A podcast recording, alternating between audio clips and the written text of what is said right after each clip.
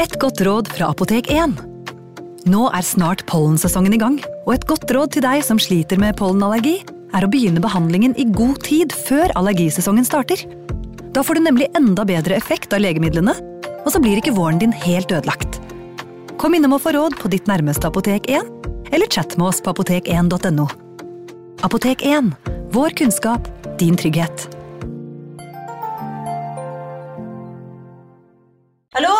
Jeg kommer fra Oslo politikammer. Ine Jansen er purk. Er du purk? The motherfucking bitch. Alt jeg vil, er å finne ut hva som skjedde med mannen min. Jon Carew. Er jeg sikta for noe? Iben Akeli. Det er du. Ole So, Lars Berrum og Big Daddy Karsten. Hvem sin side er du på, egentlig? Anette Hoff, Tone Danielsen, Kommer du fra Afrika? Jørnis Josef, Nesten. Kløfta. Trond Espen Seim, Det er synd å si det, men det var feil mann som døde.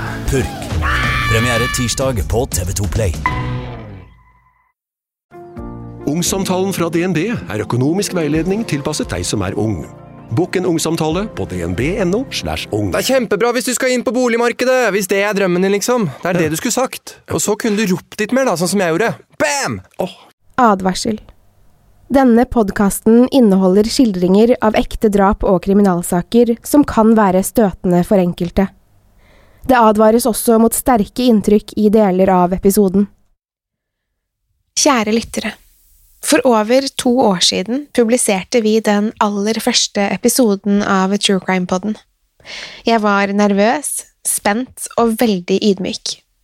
Jeg synes ikke jeg fikk gitt saken den omtanke og grundighet første gangen, da jeg trodde at det kun var venner og familie som skulle høre på denne podkasten. Derfor er det veldig stort for meg å ha muligheten, her jeg sitter og spiller inn episode 100, til å velge akkurat Hinterkaifeck-drapene. Historien er for så vidt den samme, men denne gangen har jeg dykket virkelig dypt ned i saken. Mye har skjedd siden første episode i mars 2018, både i verden og privat. Jeg har fått barn, vi har utvidet redaksjonen, og flere podkaster har kommet til vårt skumle univers. Hverdagen er heller ikke den samme. Men True Crime-fredagen, den består, og jeg er glad for å dele den med dere. Med forhåpninger om 100 episoder til, her er mysteriet i Hinterkaifeck. I nesten 100 år har drapene som skjedde på gården i Hinterkaifeck, forbløffet innbyggerne på det lille tettstedet i Bayern rett utenfor München. Saken er fortsatt en snakkis. De fleste der har en mening og teori om hva som fant sted den skjebnesvangre natten i april 1922. Det er så mange omstendigheter som gjør denne saken spesiell. Det at en hel familie blir slaktet uten et klart motiv, er både uforståelig og forferdelig. Hvorfor ble akkurat familien Gruber drept? Familien var ikke en helt vanlig familie.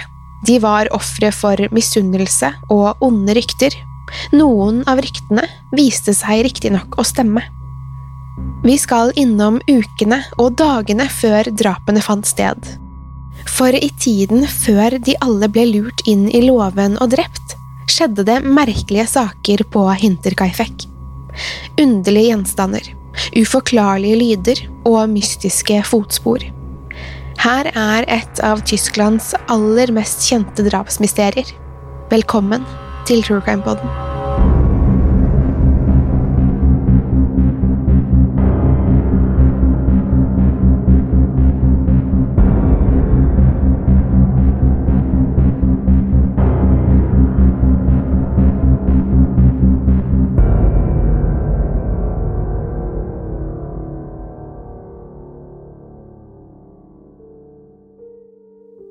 Var det tilfeldig, eller var det det perfekte mord? Det som skjedde på gården Hinterkaifek, får fortsatt folk til å undre seg over motivet, omstendighetene i dagene og ukene før drapene, og hvorfor akkurat denne familien ble offeret i en så brutal drapssak. Det er mye som tyder på at det ikke var tilfeldig at familien Gruber ble drept. Drapene fremstår på flere vis planlagte. Likevel finnes det få håndfaste bevis som peker på en spesifikk person. Det er nemlig slik at flere i familien Grubers omgangskrets kunne ha hatt motiv for å drepe. Etterforskningen avdekket at familien ikke var helt som alle andre. De hadde mørke hemmeligheter. Men var disse hemmelighetene nok til å drepe for?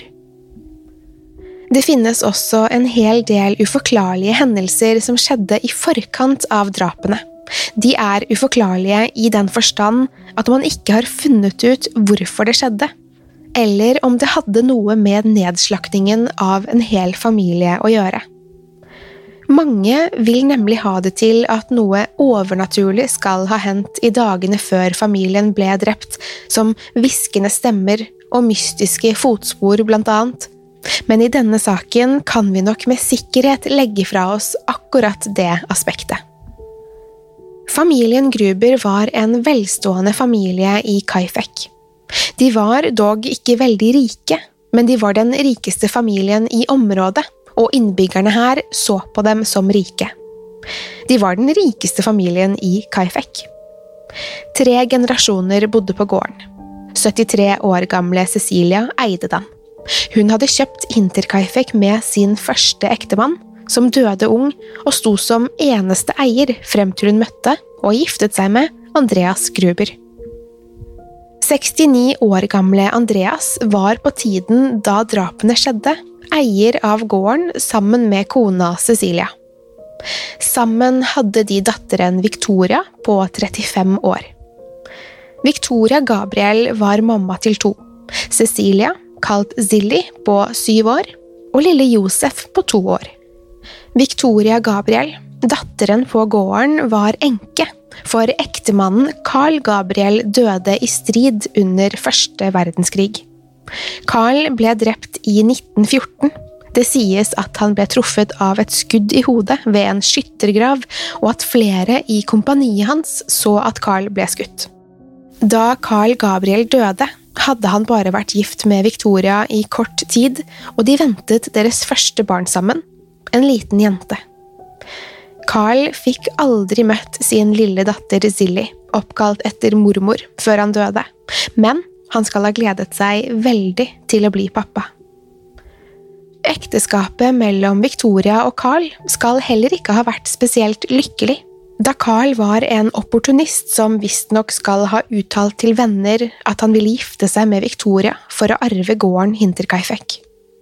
Han skal ha hatt flere sidesprang både før og etter giftermålet, og Victoria visste om disse. Victoria Gabriel på sin side var et offer for incest. Helt siden hun var tenåring, hadde faren hennes Andreas forgrepet seg på henne. Cecilia visste om overgrepene, men det var ikke mye hun kunne gjøre. Andreas Gruber var en hissig og voldelig mann som slo både kone og barn jevnlig. Cecilia var en kuet kvinne, forsiktig, redd og lavmælt.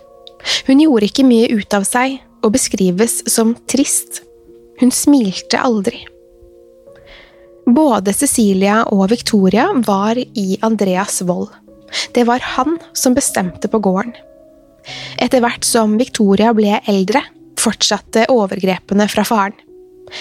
Flere mente at de utviklet et forhold der Victoria var frivillig i den seksuelle relasjonen med faren. Carl Gabriel visste også om forholdet og hadde mye sinne og hat mot svigerfaren og tok med seg Victoria vekk fra barndomshjemmet i et forsøk på å redde henne. Carl mente hun egentlig ikke villig hadde sex med faren sin, men at hun ikke turte å si nei. Kort tid før dødsfallet skal Victoria og Carl ha separert seg, men de skilte seg aldri. Carl fortalte venner om hvor dårlig Andreas behandlet kona og datteren sin, og skal ha uttrykt frustrasjon over å ikke kunne hjelpe. Da Carl døde i 1914, bare måneder inn i ekteskapet, skal Victoria ha solgt deres felles hjem og flyttet tilbake til Hinterkaifek, hjem til foreldrene, der hun planla å oppdra Zilly. Den lille jenta ble født i 1915 og brakte med seg stor glede på gården, i alle fall for en liten stund. Andreas gjenopptok forholdet med Victoria. Såpass åpenlyst at både Cecilia og hushjelpen visste om det. Victoria Gabriel ønsket ikke lenger å være ugift. Hun ville finne seg en mann og gifte seg på nytt. Hun ble kurtisert av flere håpefulle, noen fra byen, og til og med en mann fra Kaifek. Lorentz Schlittenbauer var en gift firebarnsfar og bodde ikke veldig langt fra Hinterkaifek. Hans kone var svært syk og døde, men det stoppet ikke Lorentz i å innlede forholdet til Victoria Gabriel. Hun var en vakker og bemidlet kvinne, og Lorentz så store muligheter i å gå inn i et forhold med henne. Han hadde også fire barn å brødfø. Under kurtiseringen finner riktignok Lorentz ut om det incestuøse forholdet mellom Victoria og Andreas, og det gjør ham opprørt. Lorentz anmelder de to til politiet, og både Andreas og Victoria arresteres, mistenkt for incest. Under rettssaken slipper Cecilia å vitne mot ektemannen og datteren, men de dømmes begge to. Andreas må sone i fengsel, og får en saftig bot. Victoria, derimot, slipper å sone straffen sin i fengsel. Victoria er nemlig gravid, og gravide kvinner skulle ikke fengsles. Utad forteller Victoria, som for øvrig erklærte seg ikke skyldig i incestsiktelsen, at Lorentz Schlittenbauer er faren til barnet hun bærer på. Det kunne absolutt være tilfellet, men det kan også hende at Victoria bar på sin fars barn. Lorentz tror det, og vil ikke ha noe med verken Victoria eller det ufødte barnet å gjøre. Det gjør Victoria sint, og hun truer Lorentz.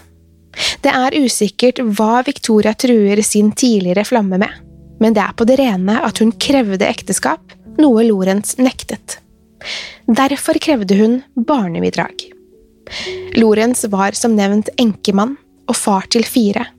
Han hadde rett og slett ikke penger til å betale barnebidrag, og han hadde heller ikke lyst. Lorentz var ikke sikker på om barnet i det hele tatt var hans. I 1919 ble lille Josef født. Hvem som faktisk er faren hans, vet ingen. Tiden går, og familien Gruber lever som normalt på gården. Lorentz på sin side har bare sporadisk kontakt med Victoria. Han er innom gården til tider, men besøkene ender oftest i krangel mellom de to og Andreas. Lorentz har giftet seg på nytt, med en kvinne han møtte i München. Hun hadde et barn fra før, Lorentz fire, og sammen får de fem felles barn i årene som kommer. Vi begynner å nærme oss våren 1922, da drapene fant sted.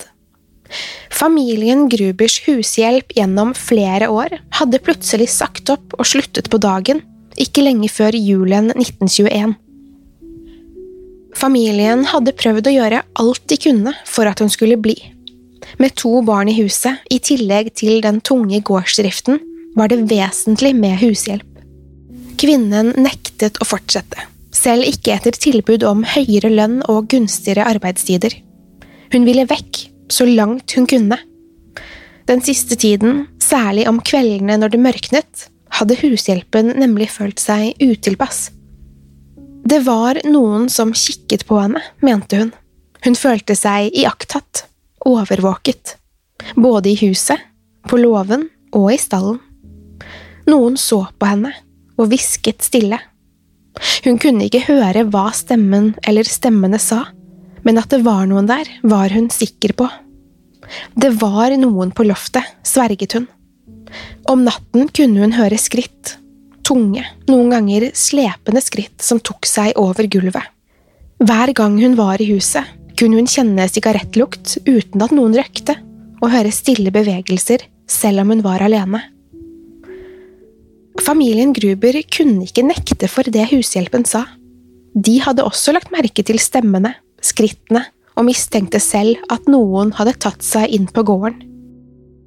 Flere ganger hadde Andreas listet seg rundt på gården med lommelykt og rifle, i håp om å avsløre de uvedkommende gjestene. Han fant aldri noen. Hushjelpen reiser fra gården samme dag som hun leverer oppsigelsen. Hun oppholder seg først i sentrum av Kaifek, før hun reiser videre til München, som ikke var langt unna. Ved flere anledninger forteller den tidligere hushjelpen om opplevelsene sine på gården. Stedet er hjemsøkt, konkluderer hun med, og sier at det finnes en ondskap der. Om hun refererer til forholdet mellom Victoria og Andreas, det at Andreas mishandlet kona bak lukkede dører, eller om hun mente at det var gjenferd på gården, er umulig å vite. Det som er sikkert, er at hun aldri vendte tilbake. Gården Hinterkaifek var utformet som en L. Mot nord var låven, ved siden av, i øst, en garasje, begge med tilhørende loft. Til venstre for låven lå stallen vegg i vegg, også her var det loft, hvor det blant annet ble oppbevart høy til kyrne. Ved siden av stallen, vegg i vegg mot vest, var huset der familien Gruber bodde. Alt dette var altså i samme L-formede bygg. I tiden etter første verdenskrig var det få som hadde det lett i Kaifek. Økonomien var svært dårlig, og det var vanskelig å få endene til å møtes for veldig mange. Men familien Gruber hadde så de klarte seg, og mer til. De ble sett på som velstående, med en gård i drift og tilhørende landområder. På gården hadde de kyr, høner, en hund, og var i ferd med å gjøre renovasjonsarbeid på gården da drapene skjedde. De skulle, ifølge løse rykter på bygda, bytte taket på låven. I ukene før drapene skal Andreas ha blitt sett i München mens han kjøpte én eller to landbruksmaskiner for å lette det tunge gårdsarbeidet. Flere vitner har fortalt at Andreas Gruber kjøpte kyr. Andreas kom i snakk med et par menn som var til stede da han kjøpte kyrne, og han kunne fortelle at et av kyrne, visstnok den samme kuen hver gang, slet seg om natten. Eller han trodde kuen slet seg, for det var ingen andre som kunne ha sluppet den løs. To–tre kvelder på rad, ifølge vitner som hørte Andreas fortelle dette, sto kuen enten i innhegningen ute eller midt i låven, utenfor de låste båsene. Det var etter hvert åpenbart at det var noen som hadde sluppet den løs, men med hvilken hensikt? Andreas var redd for at noen forsøkte å stjele fra ham. Victoria Gabriel hadde også vært i byen denne dagen og snakket med noen bekjente om Lorentz Schlittenbauer. Hun nevnte at hun krevde barnebidrag fra ham for Josef. Victoria hadde allerede vært og snakket med ham om kravet, og samtalen hadde endt i uenighet. Victoria virket frustrert over situasjonen, men ikke så mye på grunn av pengene. Hun ønsket at Josef skulle ha en far. Josefs storesøster hadde jo mistet sin, så Victoria ville at ett av barna skulle få ha et forhold med sin far. Det var andre rare hendelser i Kaifek i ukene og dagene før drapene. Kirken åpnet skrifteboksen en morgen og kunne glede seg over at en stor sum med penger hadde blitt donert, hele 700 tyske gullmark, som i dag skal ha vært rundt 500–600 euro, altså et sted mellom 55 til 66 000 kroner med skrivende stunds valutakurs. Det var mye penger, mer enn kirken noen gang hadde mottatt. Det rare var at pengene kom fra en anonym donor. En donor presten mente måtte ha veldig dårlig samvittighet for noe, og kanskje ønsket avlat. Han tenkte med en gang at det måtte være en i familien Gruber, da de var de eneste i bygda som hadde mye penger. Men det var ikke vanlig for dem å være gavmilde heller, så presten synes donasjonen var besynderlig. Han visste at Victoria Gabriel sang i kirkekoret, og hun hadde vært på korøvelse kvelden før donasjonen ble gitt. Det kunne jo være henne. På neste korøvelse innrømmer Victoria overfor presten at ja da, det var hun som skjenket pengene til kirken, men helt uten grunn. Hun fortalte at hun bare følte for å donere penger uten å utdype saken noe mer. Hun skriftet heller ikke. Victoria ønsket tilsynelatende ikke å snakke mer med presten, men både han og flere i kirkekoret la merke til at noe syntes å plage Victoria. Noe tynget henne.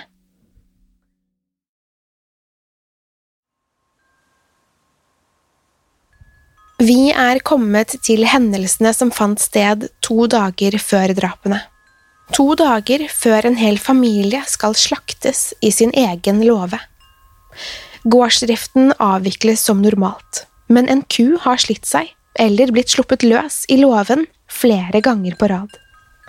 Andreas Gruber har i de siste dagene vært nervøs for at det er tyver på gården.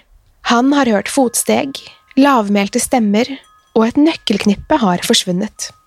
Eller har det det? Nøkkelknippet er sporløst borte.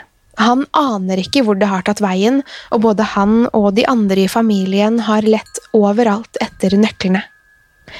Det var nemlig slik at nøkkelknippet som forsvant, hadde nøkler til alle gårdens dører og kott, og den eller de som nå var i besittelse av nøkkelknippet, kunne låse seg inn hvor de ville.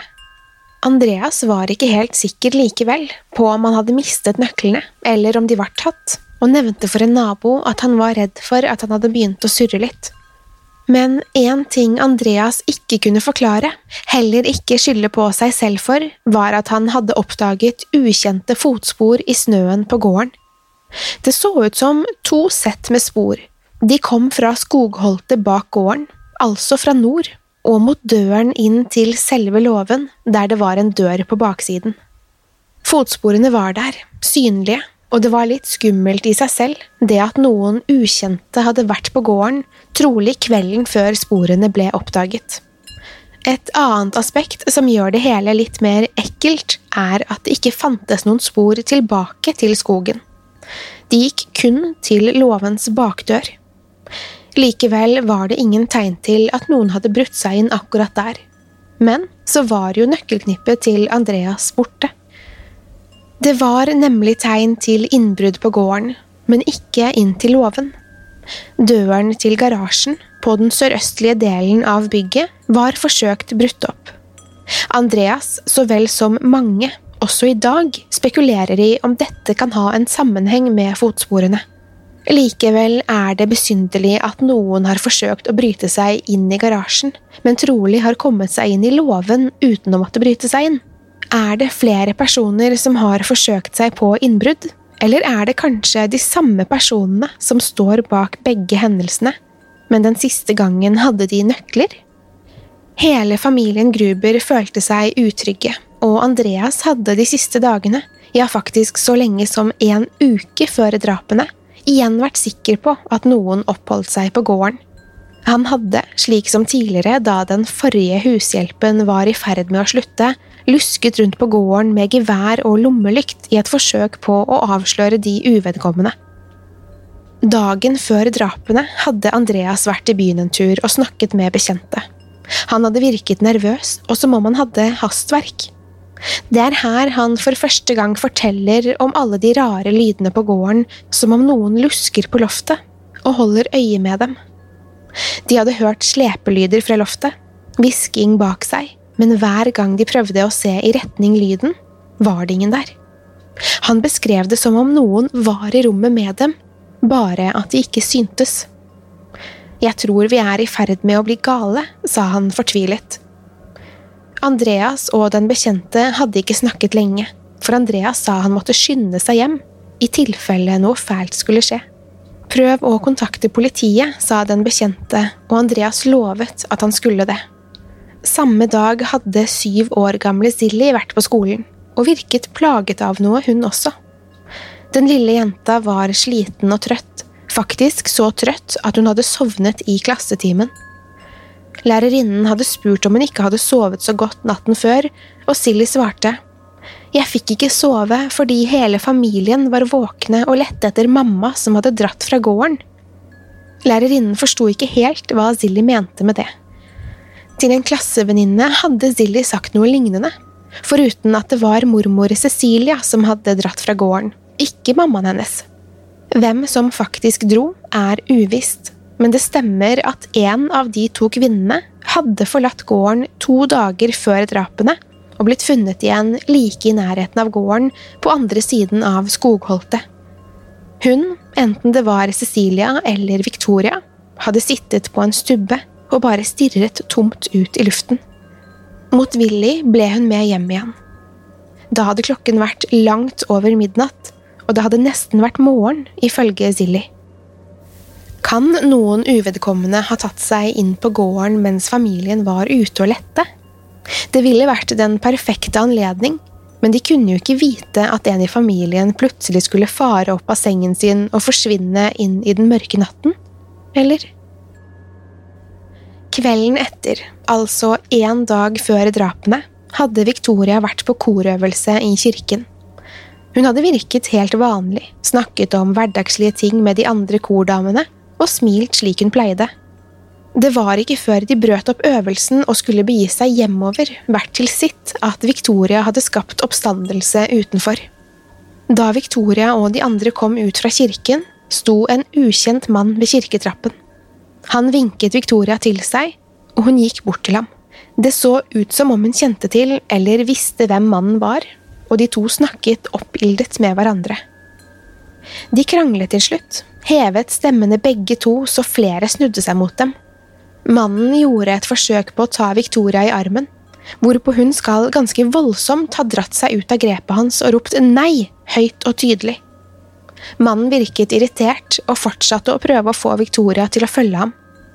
Til slutt skal Victoria ha klasket til mannen i ansiktet, dermed ga han seg og forsvant. Ingen av de som bevitnet hendelsen, hadde sett mannen før. Samme kveld hadde Maria Baumgartner ankommet gården. Hun hadde gått fra byen og til gården, for hun hadde ikke råd til å betale for hest og kjerre, og i alle fall ingen bil. Marias søster hadde fulgt henne et stykke på veien, og de hadde snakket om Marias forventninger til den nye jobben. Maria hadde vært hushjelp før og visste hva stillingen innebar. Hun ble oppsagt noen måneder tidligere, da familien hun jobbet for, hadde tapt masse penger. Maria virket glad for å ha fått ny jobb, men søsteren mente at det var noe som tynget henne. Maria hadde møtt familien Gruber tidligere, og selv om hun tilsynelatende likte dem, var det noe med stedet eller gården som gjorde henne ille til mote. Hun hadde en dårlig følelse, uten å kunne sette fingeren på hva det var. Jo nærmere de kom gården, jo verre følte hun seg. Noe er feil, sa Maria til søsteren. Jeg har en dårlig følelse. Marias søster prøvde å overtale henne til å fortsette. Det skulle nok gå bra, trøstet hun. Marias søster fulgte henne så langt hun kunne, og de tok farvel med hverandre noen hundre meter fra gården. Det siste Maria Baumgartner sa til søsteren, var Jeg har følelsen av at noe forferdelig skal skje.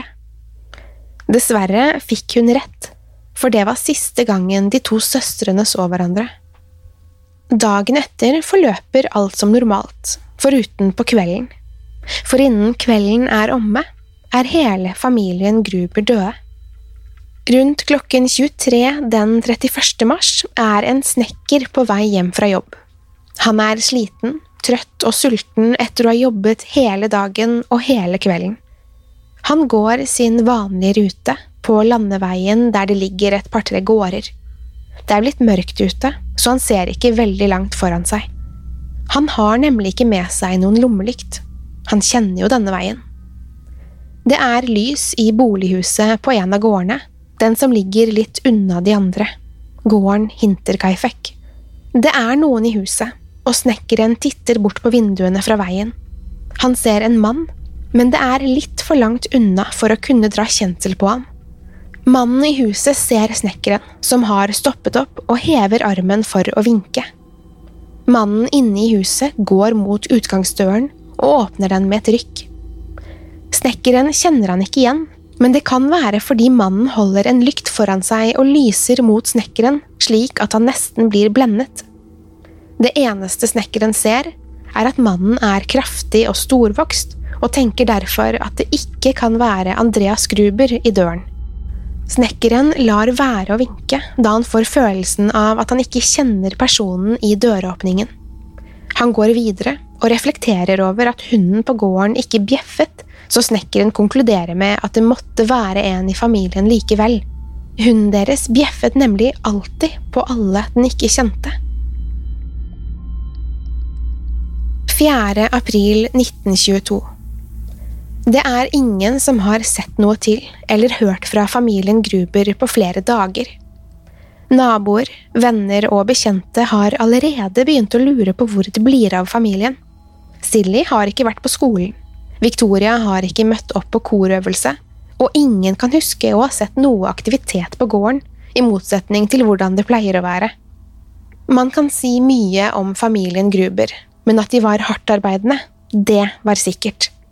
De jobbet fra tidlig morgen til sen kveld, og derfor bekymret det naboene ekstra at ingen hadde sett dem. Likevel har det kommet røyk fra pipen, og det har vært lys i huset, så ingen har mistenkt noe. Ikke før nå. De hadde heller ikke hørt hunden Spitz bjeffe. Flere naboer går sammen for å sjekke. De bestemmer seg for å banke på døren for å høre om alt står bra til. Det virker øde på gården. Ingen tegn til at noen er hjemme, ikke engang lyder fra Spitz. Et par av mennene i gruppen går rundt huset og sjekker de resterende dørene, men alle er låst. Flere av dem får en dårlig følelse det er så urovekkende stille. Lorentz Schlittenbauer er en av de som er med, og foreslår at de skal bryte seg inn. Låvedøren brytes opp, og inne på låven er det stille og rolig. Midt i rommet står en ku. Den er ikke bundet fast eller i en av båsene, slik som de andre. Bak kuen er det noen store hauger med høy.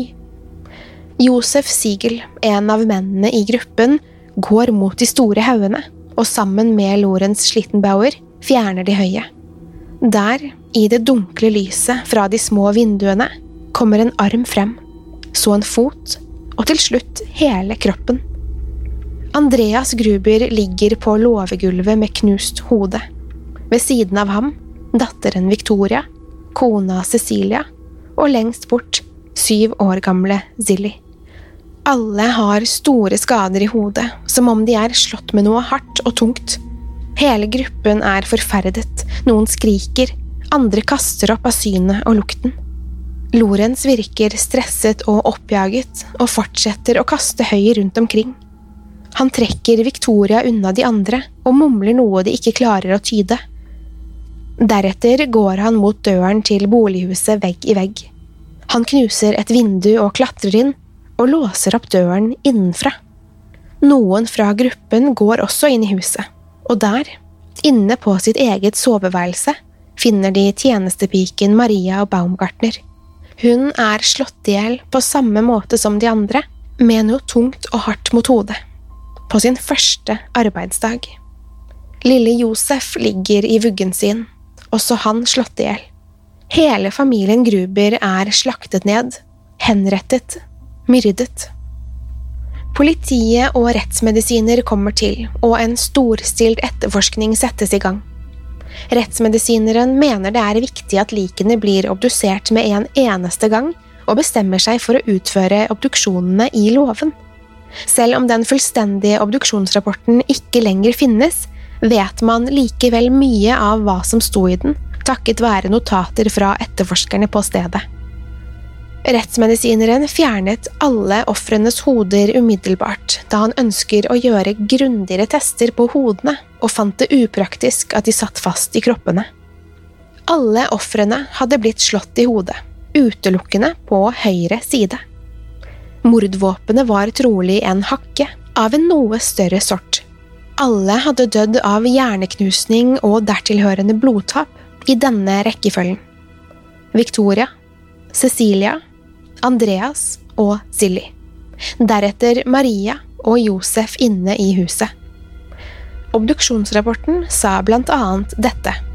Victoria Gabriel. Ti slag mot høyre side av ansikt. Alt ved tinningen er borte. Øyehulen knust. Tegn til forsøksvis kveling rundt halsen. Muligens stukket med kniv eller et objekt som avga triangulært sår. Zilly. Hardt slag mot høyre side av hodet, ovenfra og ned. Tverrgående og gapende sår på hals og nakke. Brukket nese, underkjeve knust. sirkulært eller triangulært sår på høyre side av ansiktet, hårlokk i høyre hånd. Cecilia Gruber. Ansiktet knust, særlig høyre side ved øyet. Syv kraftige slag mot hodet, Hjerneknusting. Et større merke, triangulært, trolig samme objekt brukt på Victoria og Silly. Forsøk på kveling. Andreas Gruber. Et kraftig slag mot høyre tinning. Dødelig. Knusning ved tinningen. Maria Baumgartner. En skade fra muligens hakke i bakhodet, knusning ved høyre side av ansiktet, sår i hodet er fire centimeter dypt. Josef Gruber. Ett slag mot hodet, døde momentant. Familien hadde dødd med et visst tidsopphold, og familien tror de kan ha blitt lurt inn i låven én etter én, for å så bli slått i hjel med øksen eller hakken. Det er påfallende at det er større skader på kvinnene i familien, særlig på Victoria. Hun er både slått i hjel og forsøkt kvalt. I tillegg hadde hun også en stikkskade i ansiktet fra noe som kunne ha vært et gårdsredskap, eksempel en skrutrekker eller et lignende våpen. Cecilia var også forsøkt kvalt, og hun hadde merker etter det triangulære våpenet, hun også. Var det en som hatet kvinner som drepte familien, eller var det kvinnene i seg selv som var grunnen til at alle ble drept? Var det kanskje en kvinne som var hovedmålet? Victoria var etter all sannsynlighet den som ble drept først, og hennes soveværelse var ransaket, det eneste rommet i huset som var det. Selvfølgelig kan det ha vært tilfeldig, men personen eller personene som ransaket rommet, lette tydeligvis etter noe. Det lå nemlig kontanter i huset, og på Victorias rom, som ikke var rørt. Ran er derfor ikke en teori politiet hadde stor tro på. Det var likevel mange merkelige aspekter ved åstedet og drapene. Likene var dekket med høy, de var forsøkt gjemt, og døren var låst. Var det gjort sånn for at ingen skulle finne dem, eller fordi gjerningspersonen eller personene kjente familien og ikke klarte å se de døde kroppene? Alle dører på gården var låste, men som du kanskje husker, var nøkkelknippet med nøkler til alle gårdens dører borte. For hvem hadde låst dørene? Andreas hadde jo ingen nøkler, men morderen hadde dem kanskje? De forsvunne nøklene ble nemlig funnet samme dag som likene, da Lorentz Schlittenbauer klatret inn i huset og låste opp innenfra. Han sa de sto i låsen inne i huset. At nøklene sto i døren er rart i seg selv. De hadde jo vært borte i en tid før drapene fant sted, og det at alle dører på gården var låst, vitner om at hvem enn som hadde satt nøklene der og låst døren, må kommet seg ut på en annen måte enn gjennom døren. Eller så kan de ha blitt plassert der, la oss si av den som fant dem, Lorentz. Han ble nemlig mistenkt nesten med en gang, mye på grunn av oppførselen på åstedet, og han hadde et åpenbart motiv – barnebidraget. Lorentz hadde i lengre tid vært i konflikt med familien Gruber, og han hadde til og med tatt dem til retten for Victoria og Andreas incestuøse forhold, og Victoria krevde barnebidrag av ham, siden hun mente at han var faren til Josef. Flere i gruppen som lette etter familien, og dermed også fant dem, husker at Lorentz oppførte seg rart på åstedet. Han gikk nesten rett bort til haugen med høy og gravde frem familien. Han flyttet på Victorias lik, og allerede før de var funnet alle sammen, sa han at de var slått i hjel. Hvordan kunne han vite det? Eller var det bare en antakelse, siden Andreas Grubers hode mildt sagt var knust? En storstilt etterforskning ble satt i gang. Obduksjonen ble gjort på stedet, altså i låven samme dag som likene ble funnet. Motivet for drapene var dog uklart. Var det et innbrudd og ran som gikk galt? Eller kanskje sjalusi? Naboer forteller om hendelsene på gården i forkant av drapene, som kuen som slet seg hver kveld, nøklene som forsvant, og de rare lydene og fotsporene som ledet til låvedøren og garasjen. Det var tydelig at noen uvedkommende hadde vært på gården, og derfor spurte politiet alle de kom over om de hadde sett noe uvanlig på eller rundt gården. Og det hadde de. En nabokvinne kunne fortelle at hun hadde sett to menn, anslagsvis i 40-årene, reke rundt skogholtet som ledet til gården Hinterkaifek. De to hadde oppholdt seg ved skogen, og nabokvinnen dro ikke kjensel på noen av dem. De var utenbysfra, sa hun, og mente at det var de to som hadde prøvd, eller klart, å bryte seg inn på gården. Denne observasjonen settes i sammenheng med den ukjente avisen Andreas Gruber fant på gården. Det var en lokalavis fra München, en svært uvanlig vis i Kaifek-traktene. Alle kriker og kroker gjennomsøkes, fra loft til kjeller. På loftet over låven finner politiet et felt i høyet som tilsier at noen kan ha ligget der, kanskje overnattet. Det nedliggende feltet er stort nok til at ett, kanskje til og med to mennesker skal ha kunnet ligget der. De finner også et tilsvarende felt over garasjen. Ikke nok med det, i taket på låven og garasjen, over stedene der noen kan ha ligget i høyet, finner politiet kikkehull som gir et godt overblikk over gårdsplassen. Den eller de som har oppholdt seg på begge loft, har altså holdt utkikk. Teorien om at drapene må ha vært planlagte, styrkes. Noen har vært på gården, det er helt sikkert. Dyrene er matet etter at drapene fant sted, mener politiet. De sto i båsene sine, helt rolige, da likene ble funnet. Det er en del uenigheter om akkurat dette, for det virker som om etterforskerne mener at dyrene var matet på bakgrunn av at de var så rolige da likene ble funnet. I ettertid er det flere som mener at hvis dyrene ikke hadde blitt matet på minst fire dager, ville de da ha vært for svake til å oppføre seg hysterisk eller oppilt. Dette var også tema da noen politistudenter gjenopptok saken i 2007, men det kommer jeg tilbake til. Det var videnskjent at Andreas Gruber hadde penger, og mange visste at han hadde kontanter liggende på gården. Han hadde faktisk skrytt av at han hadde kontanter gjemt unna, for han stolte ikke på bankene og mente de tok for mye i gebyr. Ran er derfor hovedteorien, helt til politiet ransaker hjemmet. Der finner de kontanter på kjøkkenbordet, på soverommet til Andreas, og til og med kontanter i skuffer og skap. Og hadde motivet for drapene vært å rane dem, ville vel gjerningspersonen eller personene ha tatt med seg pengene og andre verdier? Det eneste rommet som var endevendt i huset, var Victorias. Om noe manglet fra rommet hennes, er umulig å vite, og man vet heller ikke om de som lette gjennom Victorias saker, fant det de var på jakt etter. Så hvis man antar at Victoria var hovedmålet, noe hun trolig kan ha vært av flere grunner, hvorfor drepe resten av familien? Var det fordi morderen kjente familien Gruber? Lorentz blir som nevnt raskt mistenkt, av politiet også ikke bare av naboene som lette og fant familien Gruber. Lorentz hadde motiv, og han kunne også komme seg inn på gården uten at det ville bli sett på som rart eller uvanlig. Han hadde mest å vinne på at familien Gruber, særlig Victoria, var tatt av dage. Hun krevde han for barnebidrag, og ikke en liten sum heller. Lorentz hadde ikke råd til å betale barnebidrag. I tillegg hadde han en ny kjæreste, og ønsket kanskje ikke at Victoria møtte opp hjemme hos ham med jevne mellomrom for å kreve penger av ham. Han hadde, ifølge naboer som ønsket å være anonyme, møtt opp på gården flere ganger etter å ha overforfrisket seg på puben. Han skal også ha truet familien Gruber, men om dette stemmer, er det få som vet.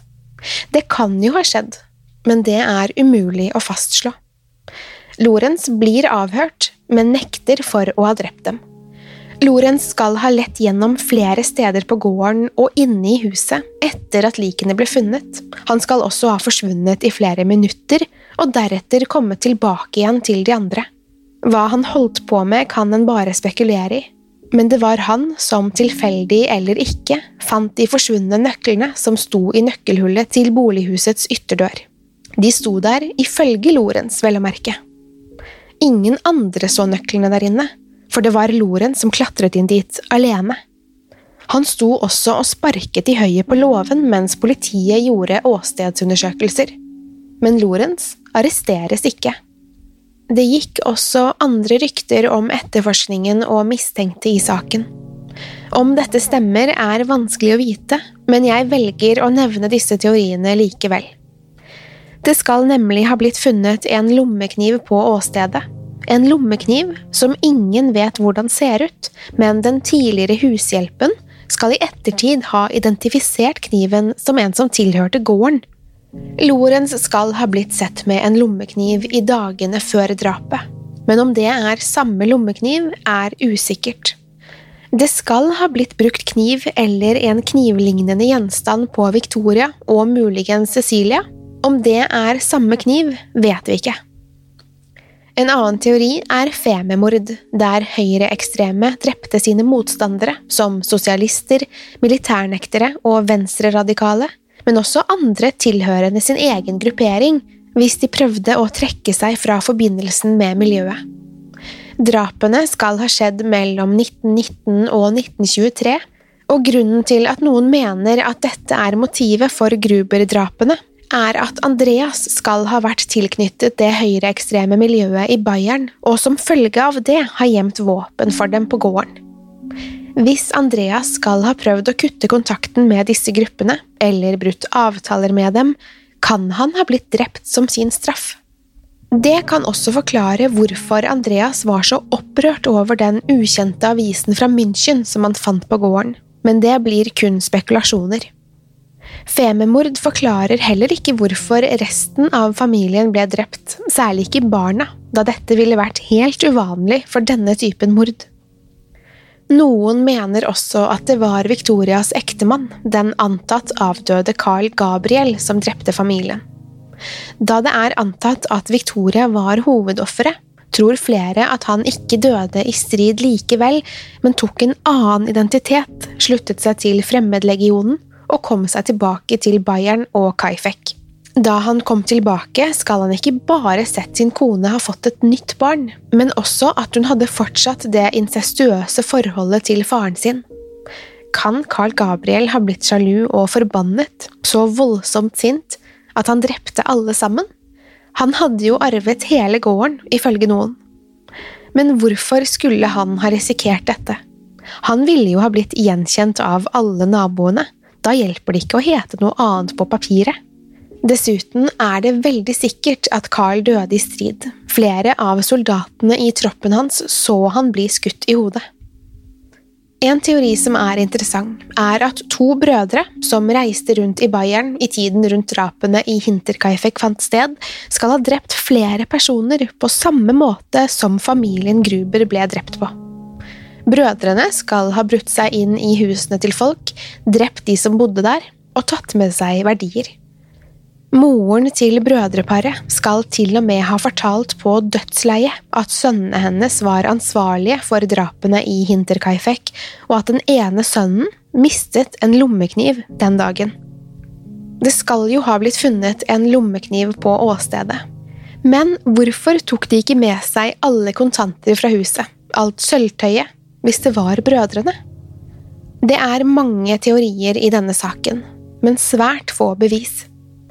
Alle ledetråder leder ingen vei, og forblir bare løse tråder i en frustrerende sak der en familie rett og slett ble slaktet ned uten noen åpenbar grunn. Høyet, for eksempel, som noen tilsynelatende hadde sovet i, kan for eksempel ha vært gjemmesteder som Victoria og Andreas skal ha brukt for å ha hyrdestundene sine, og kikkehullene for å se om noen var på vei mot dem. Det var nemlig slik med kikkehullene at de kun overså gårdsplassen og ikke veien utenfor gården, som om den som kikket ut av dem, kun var redd for at noen på gården skulle komme. Ellers hadde de kanskje laget kikkehull på motsatt side også. Politiet klarte aldri å bevise at Lorentz hadde noe med drapene å gjøre, og hele etterforskningen ble til slutt lagt på is. De hadde ikke nok å gå etter, og ingen av de mange teoriene politiet jobbet med i starten, stemte. Sporene ble etter hvert kalde.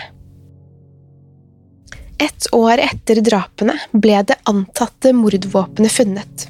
I et skur, Blant forskjellige redskaper ble en hakke med menneskeblod funnet. Det ble til og med funnet fingeravtrykk på hakken. De tilhørte Andreas Gruber. Andreas var jo en av de drepte, og utelukket som morder av den enkle grunn at hakken var plassert tilbake i skuret. Det ble ikke funnet Andreas blod i nærheten av skuret, og blodet burde vel ha vært der om det var han som satte mordvåpenet tilbake. I 1923, ett år etter drapene i Hinterkaifek, ble familiegården jevnet med jorden.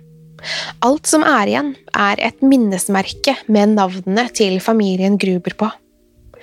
I 2007 bestemte en gruppe politistudenter fra München seg for å gjenoppta Hinterkaifeck-saken. De gikk gjennom alle avhør, alle bevis, og snakket med slektninger av de som på en eller annen måte var innblandet i Tysklands største drapsmysterium. De kom frem til en konklusjon og mener drapene ble gjort av personlige grunner. De mener at én enkelt person med tilknytning til gården eller stedet, komfortabel nok med å bo på gården, ta seg av kyrne, leve med familiens hund, selv om hele Gruber-familien lå døde på gården, måtte ha gjort det. Det var en personlig tilknytning til stedet og gården, og de mente at morderen kjente familien og deres rutiner. De snakket også med veterinæreksperter, som mener at dyrene ikke nødvendigvis ble matet etter drapene, da de som nevnt kan ha vært svake av sult og dermed ikke laget noe oppstyr da mennesker kom inn på låven. Men de utelukker heller ikke at de ble matet, så hvem vet hva som stemmer her? Ingen vet hvem som drepte familien Gruber. Ikke engang i dag. Saken er fortsatt uløst, snart 100 år senere. Politistudentene mener saken aldri vil bli løst, dels på grunn av at man ikke helt sikkert vet hvem som ble drept først, og dels fordi viktige bevis kan ha gått tapt gjennom årenes løp, deriblant mordvåpenet og andre sentrale spor man kanskje ville gått etter med dagens teknologi og viten. Hakken er nemlig forsvunnet igjen, så hvem blodet på den tilhørte, får vi nok aldri vite. Vi i redaksjonen takker for følget så langt, og gleder oss til fortsettelsen. Har du teorier om hva som kan ha skjedd i denne saken?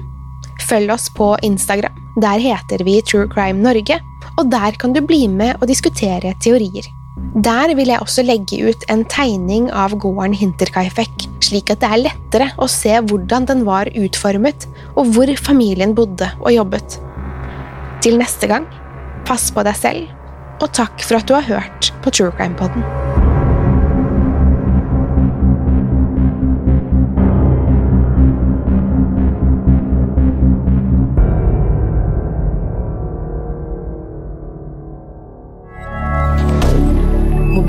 Media. Har du et enkeltpersonforetak eller en liten bedrift? Da er du sikkert lei av å høre meg snakke om hvor enkelt det er med kvitteringer og bilag i fiken, så vi eh, gir oss her, vi. Fordi vi liker enkelt. Fiken superenkelt regnskap. Hei! Takk for at du lytter til True Crime Podden. Skulle du ønske at du kunne høre en ny episode av denne podkasten hver eneste uke? Vel, da er det bare å laste ned podkastappen Untold med en gang. I tillegg til ukentlige episoder av podkaster som Skrekkpodden, Synderne og Henrettelsespodden, får du masse annet reklamefritt og eksklusivt innhold.